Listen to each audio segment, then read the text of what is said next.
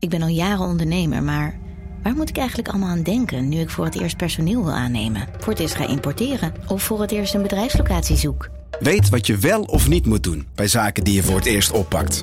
Check kvk.nl voor praktische stappenplannen. KVK, hou vast voor ondernemers. Al 125 jaar kwaliteit voor jou thuis met Miele. Dat vieren we met jou. Ontvang nu tijdelijk een cashback tot 125 euro op veel Miele-apparatuur. Geniet van de kwaliteit van Miele. Voor perfect verzorgd wasgoed en kleding die veel langer mooi blijft. Voor een stralend schone vaat, even perfect als jouw diners. En een stofvrij thuis waarin echt hygiënisch schoon de standaard is. Check miele.nl voor alle feestelijke aanbiedingen.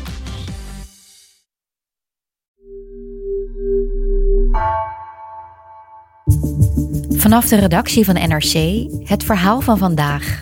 Mijn naam is Gabriella Ader.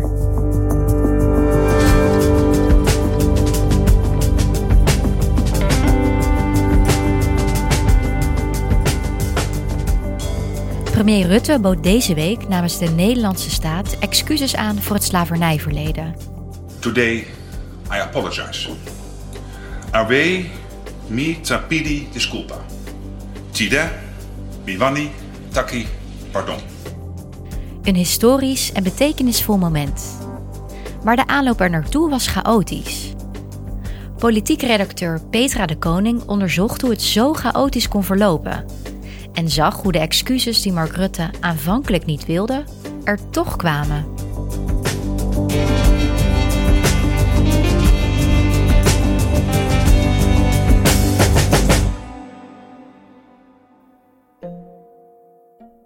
Deze week is de week van de excuses voor het slavernijverleden. Uh, Mark Rutte, de premier, heeft in het Nationaal Archief in Den Haag namens de Nederlandse regering, namens de overheid, excuus aangeboden. Vandaag bied ik namens de Nederlandse regering excuses aan voor het handelen van de Nederlandse staat in het verleden. Postuum aan alle tot slaafgemaakten die wereldwijd onder dat handelen hebben geleden. Aan hun dochters en zonen en aan al hun nazaten tot in het hier en nu. Mijn collega Lemia Arouai en ik zijn de afgelopen weken bezig geweest om na te gaan hoe dat is gelopen, waarom het zo chaotisch werd, of weet je wat daar de achtergrond van was. En ook hoe het bij Rutte is veranderd, want Rutte wilde die excuses niet, uh, een paar jaar geleden nog. Wat is er dan veranderd? Hoe is dat in zijn hoofd gegaan? Ja, waar kwamen jullie achter? Ja, we ontdekten dat het op de ministeries heel slecht was gelopen. Dat er veel uh, misverstanden waren onderling. Uh, dat er veel geheim werd gehouden, ook voor elkaar. Dat ambtenaren niet wisten waar ze aan toe waren op het moment dat die excuses er al bijna waren zelfs. Uh, daar liep van alles mis. Jij volgt Rutte al sinds 2015. Je hebt ook een boek geschreven. Hoe gingen jij en Lemja vervolgens te werk toen jullie echt aan die reconstructie begonnen en naar Rutte's aandeel daarin gingen kijken? Wat we hebben gedaan is, uh, we hebben een lijstje gemaakt van de mensen die we goed kennen. We lopen hier allebei al een hele tijd rond. Dus we volgen debatten. Um, dan weten we dat bepaalde ministers of staatssecretarissen op een gegeven moment uitkomen lopen en waar je ze dan het beste kunt opvangen. Dus niet net buiten de zaal waar ook andere journalisten staan, maar dat je een stukje de gang inloopt waar zij dan hun eigen kamers hebben. Uh, dus daar hebben we met mensen staan praten. We hebben afspraken gemaakt met mensen die Rutte heel goed kennen. En natuurlijk ook nog die ik ken uit de tijd dat ik met mijn boek bezig was. Um, ja, zo doe je dat. Ja, en wat leverde het vervolgens op? Wat zagen jullie? We begonnen met een persconferentie die er was in februari 2021. Um, daar waren we bij. Uh, dat was nog in coronatijd. Um, en Rutte werd gevraagd naar de excuses voor het slavernijverleden. En hij wilde daar overduidelijk niks van weten. Het erkennen dat dit fout was, doen we. Uh, de excuses moeten we oppassen dat dat woord betekent natuurlijk ook dat ik als minister-president iets zeg over onze staatshoofden uit die eeuw.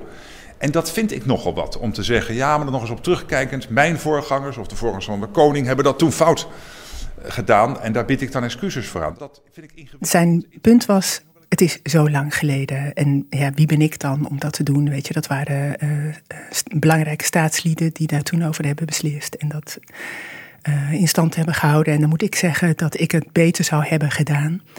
Nou ja, dat was duidelijk, hij wilde dat niet. Um, Maar er was ook een dialooggroep slavernijverleden aan het werk gezet om advies te geven over hoe daarmee omgegaan moest worden. Zij vonden wel dat excuses moesten komen.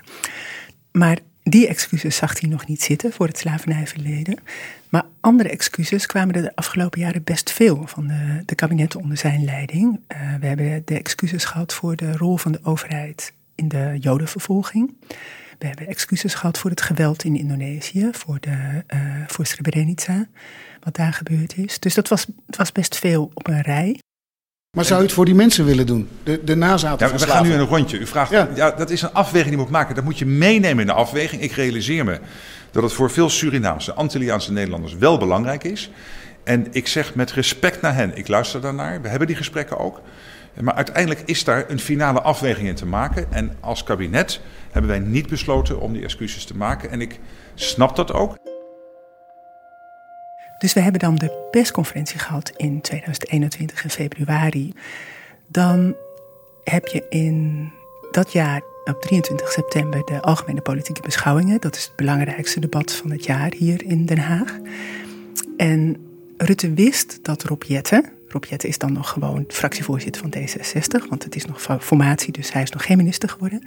Hij wist dat Rob zou gaan beginnen over het slavernijverleden. En hij zegt van ja, weet je, driekwart van de mensen van Nederlanders, van Surinaamse en Antilliaanse afkomst wil die excuses. Doe het nou, denk erover na, kom met iets. Mijn vraag aan de premier is: is hij inmiddels tot nieuw inzicht gekomen over het belang van het maken van excuses voor de Nederlandse rol in het slavernijverleden? Ik, ik, ik, worstel nog steeds met het vraagstuk. En de worsteling zit hem eh, toch in de, de distance of time, de passage of time. Um, dat dit zo verschrikkelijk is, het slavernijverleden, maar ook zo lang geleden is. Sylvana Simons van Bijeen komt erbij staan. En zij zegt van ja, u kunt wel de hele tijd zeggen dat het lang geleden is, maar het is helemaal niet lang geleden. Als we het hebben over tot slaafgemaakte mensen, hebben we het bijvoorbeeld over de oma van mijn moeder. Dat is niet lang geleden. Dat is helemaal niet lang geleden. Wij praten nog over haar. Zij is onderdeel van onze familiegeschiedenis. Dat is maar één persoon. En ik zeg dat omdat ik toch hoop dat er in dit land nooit, maar dan ook nooit een moment komt dat de ene Nederlander tegen de andere Nederlander zegt: Wat nou joh, die Tweede Wereldoorlog? Dat is zo lang geleden. En hoe reageerde Rutte daarop? Nou, je merkte dat hij er niet een pasklaar antwoord op had. De hele zaal was stil. Het was echt wel een bijzonder moment. Lemmy en ik zaten daar ook in de zaal natuurlijk. En Rutte zei: het geeft stof tot nadenken. Dank u wel. Dank u wel, mevrouw Simons. Dank, eh, mevrouw Simons, dat u dat zo deelt. Dank. En, en ik ben het ook eens met uh, uh, de kracht van de woorden van de heer Jetten.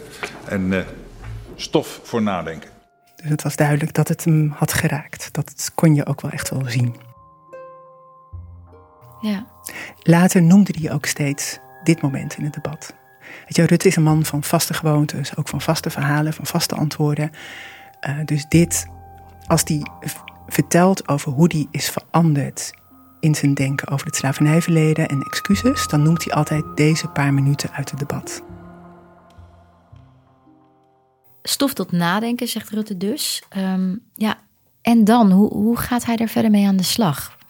Dus vanaf dat moment is hij met mensen gaan praten over wat het betekent voor, hè, voor hen, nu nog steeds. En bij Rutte gaat het dan zo dat hij heeft dan bepaalde ideeën over Europa of over Zwarte Piet. En dan voelt hij wel aan dat, het, weet je, dat de tijd verandert. Hij is eigenlijk nooit iemand die daarin voorop loopt, die, hè, die die verandering leidt. Maar hij gaat er wel in mee. En, dat, en wat bedoel je dat hij dan mensen nodig heeft? Ja, om, daarmee te, om dat dan in te voelen. Weet je, wat betekent dat nou voor jou? Hij liet bijvoorbeeld, eh, er kwamen mensen op het torentje, er komen heel vaak mensen op het torentje. En als dat mensen van kleur waren, dan kwamen ze niet speciaal praten over het slavernijverleden. Maar daar begon hij er wel over. Oké. Van hé, hey, wat betekent dat eigenlijk voor jou? Hoe zit dat? Hoe denk je daarover? En wat, wat gebeurt er dan? Nou ja, wat, wat ik zei, hè, dus dat zijn gesprekken met mensen. Hij voelt aan dat er een meerderheid ook in de coalitie is die excuses wil. Dat um, uh, zijn eigen VVD was er niet speciaal heel erg tegen, maar zeker ook niet voor. Ehm, bij het CDA was er wel wat veranderd de afgelopen tijd. Het ChristenUnie wilde het al langer, D66 sowieso. Dus ja, Rutte kan heel goed tellen. Die weet, um, die weet dat er dan een meerderheid is. En dat, hij dan, dat heeft hij ook wel een keer gezegd hoor, tijdens de persconferentie. Kijk, als er een meerderheid is, doe ik het sowieso. En in het voorjaar hebben ze beslist, de ministers, in de ministerraad, op vrijdagochtend. We gaan het doen. We gaan die excuses aanbieden. Niemand anders wist dat op dat moment. En dat had te maken met, wat, met Indonesië, de excuses die er kwamen voor het geweld dat Nederland had uh, gebruikt in Indonesië. Rutte zei toen, dan moeten we het hele koloniale verleden en dus ook de slavernij daarbij nemen. Uh, dat, toen was hij om in het voorjaar, dit voorjaar. Ze hebben het toen overwogen om al met die excuses te komen bij Ketty Kotti. Dat is op 1 juli. En dan uh, herdenkt de Surinaamse gemeenschap het einde van de slavernij. Uh, in de ministerraad is bedacht dat ze dat toch niet zouden doen, omdat het dan misschien te veel in verband zou worden gebracht met Suriname en niet met de eilanden. Niet, oh ja. Dus hebben ze gezegd, we doen het na de zomer. Ze hebben geen tijd afgesproken, maar na de zomer. Bij Ketty Kotti was minister voor rechtsbescherming Frank Weerwind, die zelf van Surinaamse afkomst is. En die heeft daar een toespraak gehouden waarin je wel al hoort dat het aan zit te komen. Wat gezegd moet worden, moet gezegd. Wat gedaan moet worden, moet gedaan. Daarin kun je al horen, het komt. Maar het is wel een beetje vaag nog. Het is wel nog vaag, jazeker. Nou ja, vanaf dat moment is Binnenlandse Zaken en Koninkrijksrelaties dat de excuses gaan voorbereiden. Het is op een gegeven moment nog geheim dus voor iedereen daaromheen. Alleen de ministers weten het. Maar toch zijn er al uh, aanwijzingen, hè, behalve Ketty Kotti. Zoals reisjes naar Suriname. Naar... Ja, precies. Um, het valt op dat ze allemaal naar uh, Suriname of het Caribisch gebied gaan. En dan worden ze daarover bijgepraat. Er wordt niet gezegd uh, we gaan excuses aanbieden, maar dat is een soort geheimtaal die gebruikt wordt. Iedereen snapt, oké, dat worden dus excuses, want die hangen al een tijdje in de lucht. Dan lekt dat nieuws van die excuses bij RTL. Op uh, begin november is dat. Het kabinet gaat excuses maken voor het slavernijverleden van Nederland. Haagse bronnen bevestigen een bericht daarover van RTL Nieuws. Maar in Den Haag is dat niks bijzonders. Er lekt ontzettend veel. Maar dit kwam heel hard aan. Het kwam hard aan bij Binnenlandse Zaken. Het kwam hard aan bij andere bewindslieden. En dat heeft ermee te maken dat ze op een of andere manier dachten: dat houden, het zo'n gevoelig onderwerp. Als we graag willen dat het geheim blijft, dan blijft het wel geheim. Maar dat is vrij naïef. Maar waarom willen ze überhaupt dat het geheim blijft? Ja, dat is een hele goede vraag. Dat begrepen wij eigenlijk ook niet. Waarom zou je niet gewoon zeggen: we willen excuses gaan aanbieden en dat gaan we goed voorbereiden? En Lemmy en ik hebben dat aan iedereen gevraagd. Waarom kun je dat niet gewoon open doen? En dan kunnen mensen meepraten, meedenken. Eh, want dat was ook waarom veel organisaties en ook politici in Suriname en op de eilanden boos waren. Toen, toen het nieuws naar buiten kwam van hallo zeg, dit gaat over ons. Waarom niet samen met ons? En dan krijg je als antwoord dat dat niet kan in Den Haag. Dat dan iedereen zich ermee gaat bemoeien. Dat het dan, eh, dat, dat het dan juist een bende werd. Maar dat Weet je, dat, dat je dan niks meer voor elkaar krijgt als iedereen zich ermee gaat bemoeien. Maar dat lijkt me in dit geval wel een beetje gek. Want het, het lekte, daar kwam geen duidelijke reactie op. Wel iedereen was er opgewonden over. En het was, uh, het was een zooitje. Ja, want um, het nieuws is uitgelekt. Maar wat waren de andere redenen van die chaos? Ja, er moest van alles worden voorbereid. Hè? Een, groepje bewindslieden ging naar uh, de Antillen en naar Suriname. En daar moesten ze dan reageren op woorden van Rutte die ze nog niet kenden. Ze wisten niet precies wat hij zou gaan zeggen. Um, er waren geen zaaltjes geregeld. Ze wisten niet precies wat er van. Wie, moesten ze uitnodigen? Moesten de journalisten komen of juist niet? Wie wel? Weet je, het was um, eigenlijk tot voor kort tot, tot vorige week of zo was dat voor heel veel ambtenaren onduidelijk. En waarom verliep het dan zo chaotisch? De samenwerking tussen de ministeries liep eigenlijk vanaf het begin niet lekker. Uh, Binnenlandse zaken en koninkrijksrelaties die gaat formeel over de Caribische eilanden. En uh, buitenlandse zaken gaat over Suriname. En buitenlandse zaken leek die verantwoordelijkheid over Suriname niet echt uit handen te willen geven. Maar ze deden ook niks aan de voorbereiding. Dus Binnenlandse Zaken zat soms ook echt wel met zijn handen in het haar. Want wat moeten we nu? Want ja, we kunnen niet op hun terrein zitten. Maar ze, hè, en vaak wisten ze ook niet van elkaar wat ze aan het doen waren. En wat dan ook opviel was dat uh, de minister van Binnenlandse Zaken, Anke Bruins-Slot van het CDA, lang niet altijd een zelfverzekerde indruk maakte. Die wilde graag andere ministers erbij betrekken bij beslissingen die ze nam. En die onzekere indruk die zij maakte, dat werkte ook door in de onzekerheid die anderen zagen bij haar eigen ambtenaren die het aan het voorbereiden waren. En wat dan ook nog meespeelde, was dat ze heel graag wilde dat het geheim bleef. Tot het eind. Dus dat legde een soort krampachtige deken over dat hele proces van excuses maken heen. De chaos die je zag bij deze excuses heb je niet bij andere excuses van de afgelopen jaren gezien. Niet op deze manier. De laatste weken hoorde en zag je ook veel uh, organisaties die aanvankelijk ook uh, Rutte hadden geadviseerd. Waar, wat was hun rol? Ja, ze voelden zich buitengesloten. Dit was voor een heel groot deel buiten en omgegaan, vonden ze. Dus er was nog een speciale katshuissessie. Dus die organisaties werden uitgenodigd op het katshuis. Daar heeft uh, Rutte met al die betrokken organisaties gepraat. Daar is toen ook nog afgesproken dat uh, vicepremier Sigrid Kaag naar Suriname zou gaan.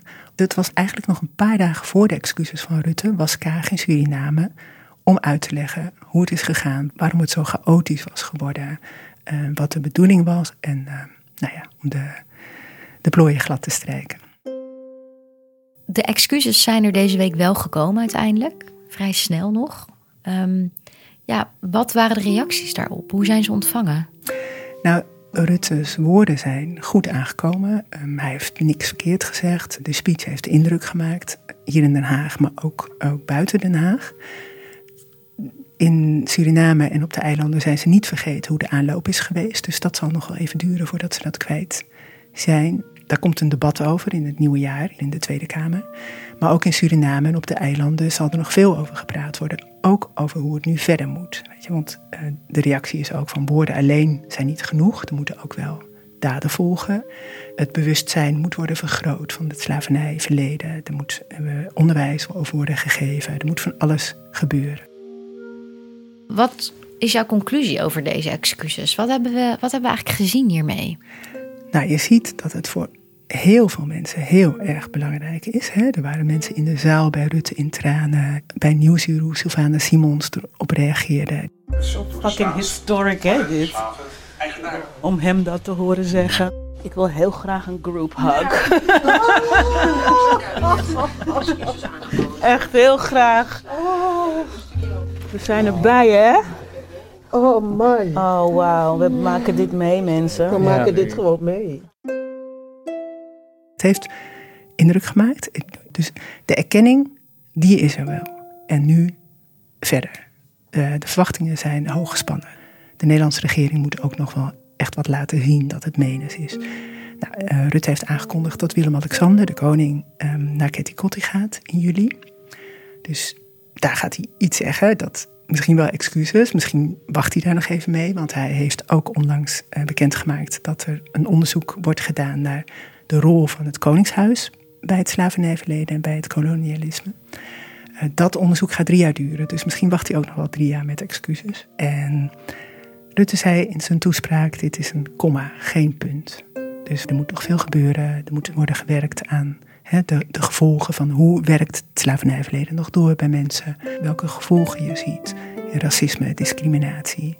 Weet je, wat, wat ondervinden mensen daar nog van? We doen dit nu om staande op de drempel van een belangrijk herdenkingsjaar samen de weg vooruit te vinden. We delen niet alleen het verleden, maar ook de toekomst. Dus zetten we vandaag een komma, geen punt.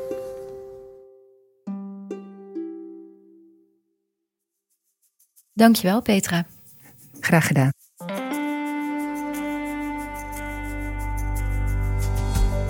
Je luisterde naar vandaag, een podcast van NRC. Eén verhaal, elke dag. Deze aflevering werd gemaakt door Nina van Hattem en Ruben Pest. Coördinatie door Henk Ruigrok van de Werven. Dit was vandaag, morgen weer.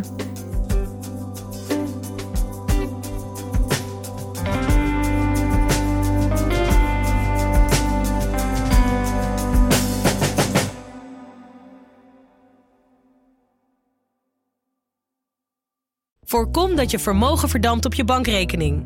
Beleg bij Bridgefund in kortlopende leningen aan Nederlandse MKB'ers. Inleg vanaf 100.000 euro en rendement tot wel 5,25% per jaar. Bridgefund. Make money smile. Let op, u belegt buiten AFM-toezicht. Geen prospectusplicht voor deze activiteit.